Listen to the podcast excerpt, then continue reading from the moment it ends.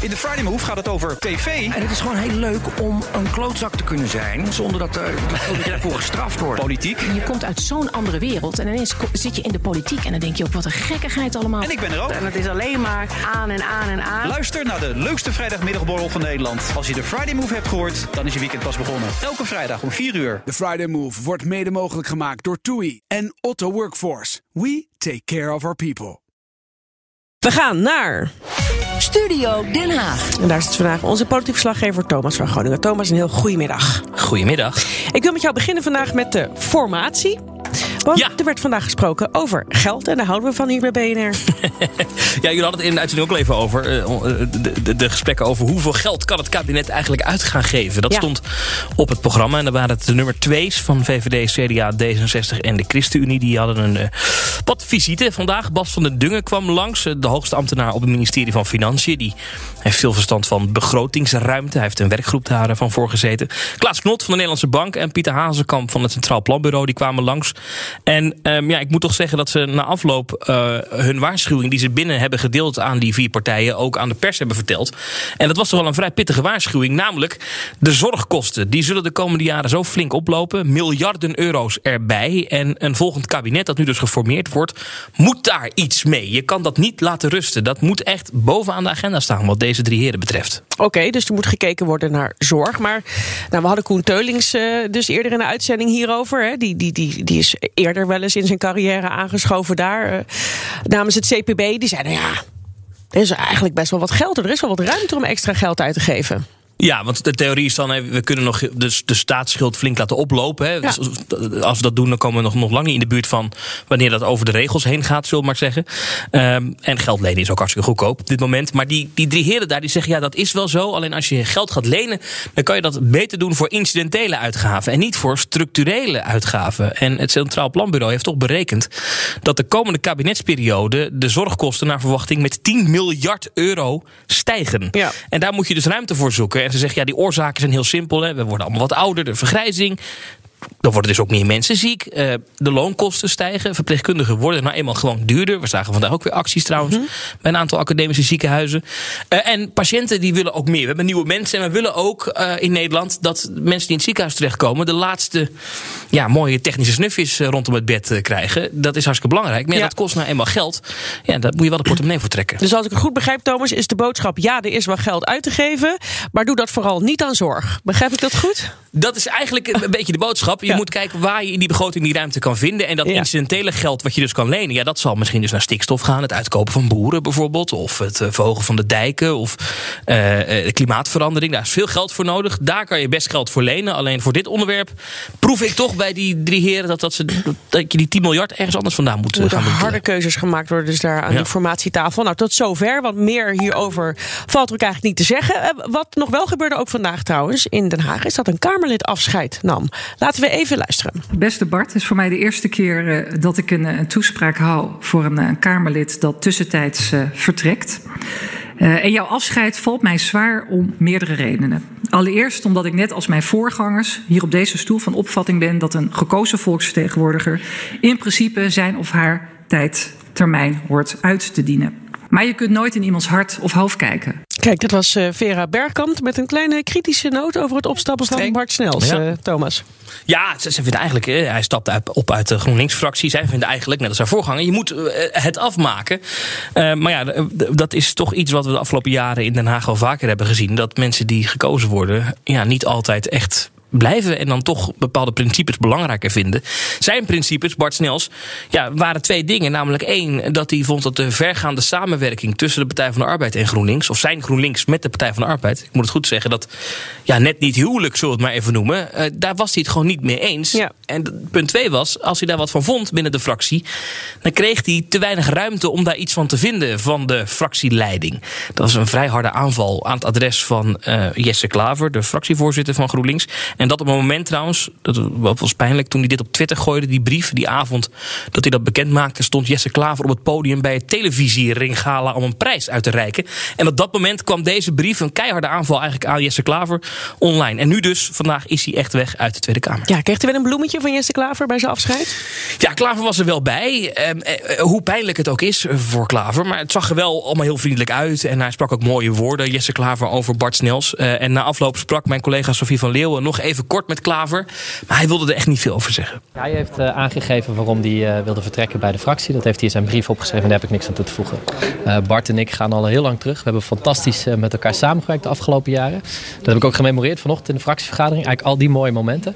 En dat is wat ik vandaag doe. En voor de rest ga ik op niks in wat hij daarover heeft gezegd. Omdat dat alleen maar tot onduidelijkheid kan leiden. Ja, tot slot hierover uh, nog even Thomas. Um, is dit dan de laatste de bij GroenLinks, naar jij weet? Namelijk de, de, de echte grote criticaster over deze fusie? Of zitten er meer in? Dat is een goede vraag. Die heb ik ook uh, proberen te, te achterhalen de afgelopen dagen, de afgelopen weken eigenlijk. Van ja, hoe, hoe, hoe leeft het nu binnen die fractie? De meeste partijleden daar, fractieleden, houden echt hun kaken op elkaar. Dus het lijkt erop dat ze uh, allemaal echt wel achter Jesse Klaver staan. Maar ja, zeg nooit nooit. En binnen GroenLinks leeft deze discussie wel breder. En ja, uh, ik denk dat GroenLinks even afwacht wat gaat gebeuren met de gemeenteraadsverkiezingen in maart. Maar ja, als dat dan allemaal misloopt, ja, dan, dan zal er wellicht meer kritiek ontstaan binnen die partij. Ja, dan naar misschien wel het gesprek van de dag in Den Haag, corona. Ben je nog iets meer te weten gekomen over de maatregelen die volgende week worden aangekondigd? Nou, dat had ik eigenlijk wel verwacht vandaag. Omdat op dinsdagochtend uh, de fracties, de partijen altijd vergaderen. En dan kunnen ze het over dit onderwerp hebben. En ik dacht, nou, dan gaan we daarna wel horen of er partijen openlijk durven te zeggen... ja, wij zijn een voorstander van het invoeren van maatregelen... voor alleen mensen die niet gevaccineerd zijn. Hè, waar Hugo de Jonge de afgelopen dagen toch wel op hint. Zover is het niet. Als ik partijen toch spreek, dan zeggen ze allemaal... ja, we wachten even af waar het Outbreak Management Team mee komt. Er zijn wel partijen, die hadden wij gisteren ook al in de uitzending... zoals de Partij van de Arbeid en ook de SGP trouwens... die zeggen nee, absoluut niet, moet je niet doen. Geen tweedeling in de maatschappij. Dus het beeld ontstaat wel hier dat de Tweede Kamer daar niet voor is. Maar welke maatregelen ze dan wel voor zijn, geen idee. Daar, ja, dat, dat blijft allemaal nog een beetje het midden. Omdat iedereen nog een beetje afwacht van ja, waar komen die adviseurs van het kabinet nou mee? Um, wat interessant is, is wel de rol van D66. Want die hebben eerder al gepleit voor maatregelen alleen voor mensen die niet gevaccineerd zijn. Dat was Jan Paternotte, bekend Kamerlid daar. Die het pleitte in september al voor het 2G-systeem, voor het nachtleven. Alleen nog maar naar de disco als je bent gevaccineerd of genezen dan zou je denken, die is nu blij. Maar ik sprak hem net even, het is wel aardig om naar te luisteren. Want hij is nu toch wat gematigder in dat, in dat oordeel. Hij is nog wel voor, maar hij ziet liever eerst dat er andere dingen gebeuren. Luister even. Nou, kijk, het is uh, uh, iets waarvan ik graag wil zien wat de wetenschap uh, zegt dat we nu zouden moeten doen. Wat effectief is om te zorgen dat die enorme stijging van de aantallen besmettingen en ziekenhuisopnamen, dat die er onder controle krijgen. Ja, en het liefst doe je dan, neem je dan uh, maatregelen waardoor eigenlijk voor niemand er vrijheid wordt afgenomen. Dus dit is iets waar wij uh, naar zouden kunnen kijken op het moment dat dat het enige alternatief is om anders een uh, lockdown maatregelen te nemen. Dus als in het OMT-advies komende week staat, goh, als je niet maatregelen neemt tegen alleen ongevaccineerden, dan zullen bijvoorbeeld horecazaken eerder moeten sluiten of voor een deel moeten sluiten of festivals weer geannuleerd moeten worden. Dan zegt u, dan liever een groep uh, mensen die niet gevaccineerd is daar maatregelen op leggen?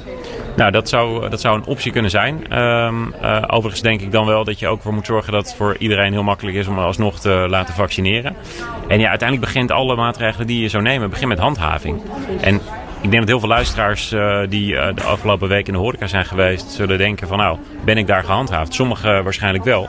Maar ik krijg ook te veel verhalen dat dat niet gebeurt. En van burgemeesters die zeggen, ja, bij ons handhaven we ook niet zo heel erg veel. Kijk, als je een maatregel neemt en hem niet handhaaft, dan werkt het niet. Of je dat nou uh, voor gevaccineerden, voor ongevaccineerden, voor iedereen doet, of überhaupt niet. Dus eigenlijk moeten die burgemeesters een tik op de vingers krijgen.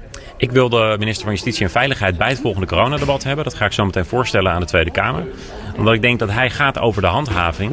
Dat hij ook moet kunnen aangeven ja, in hoeverre kan er gehandhaafd worden. Want anders heeft het nemen van maatregelen ook te weinig zin. Dus een burgemeester Halsema die al vrij vroeg zei... nou ja, wij gaan het eigenlijk niet handhaven. Of alleen bij excessen gaan wij ingrijpen. Nou, je ziet in Amsterdam ook, dat blijkt ook, uh, horen wij ook van luisteraars die zeggen... nou ja, als je daar naar een restaurant gaat... dan komt het vrij zelden voor dat je QR-code moet laten zien. Zo'n burgemeester, daar moet de minister eigenlijk even langs gaan en zeggen... je moet beter je werk doen. die coronapas is hier niet voor niks. En ik kijk, kijk ook naar een burgemeester als uh, Dijksma in Utrecht, die wel optreedt op het moment dat er uh, iemand of dat een restaurant zich totaal niet houdt aan de coronamaatregelen. Uh, en ja, dat is wat we wel nodig hebben natuurlijk. Want we hebben die afspraak met elkaar gemaakt op advies van de deskundigen. De Tweede Kamer stemt ermee in. Dan moet het ook gehandhaafd worden. Of je het er nou mee eens bent of niet. Zijn we op tijd? Ik denk dat uh, um, uh, over acht dagen of over zeven dagen wil het kabinet besluiten nemen. Uh, ik vind dat nog een lange tijd. Want de komende zeven dagen komen er ook steeds weer nieuwe coronacijfers. En dan gaan ze ook niet meteen in? Dus ik zou het kabinet willen oproepen om tempo te maken. Maar dan dinsdag PESCO vanaf woensdag meteen maatregelen?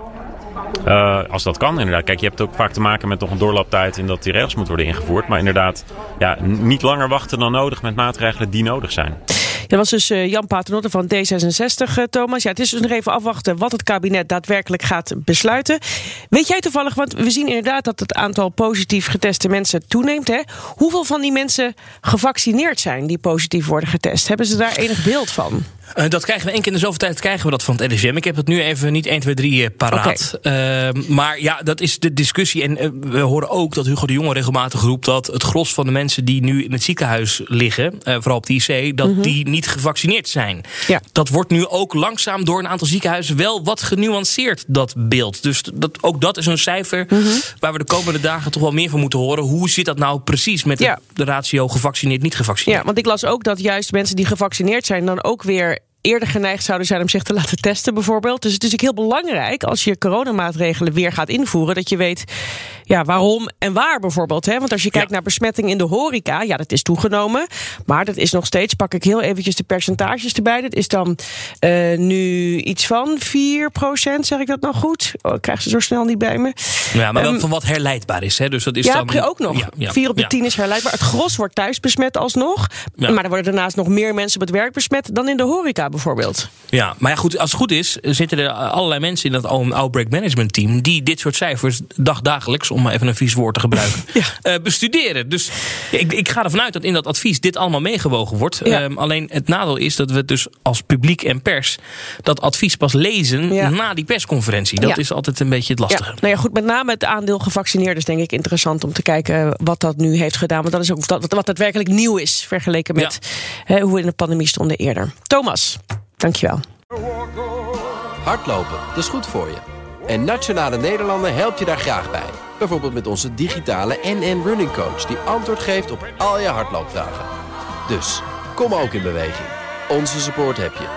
Kijk op nn.nl slash hardlopen.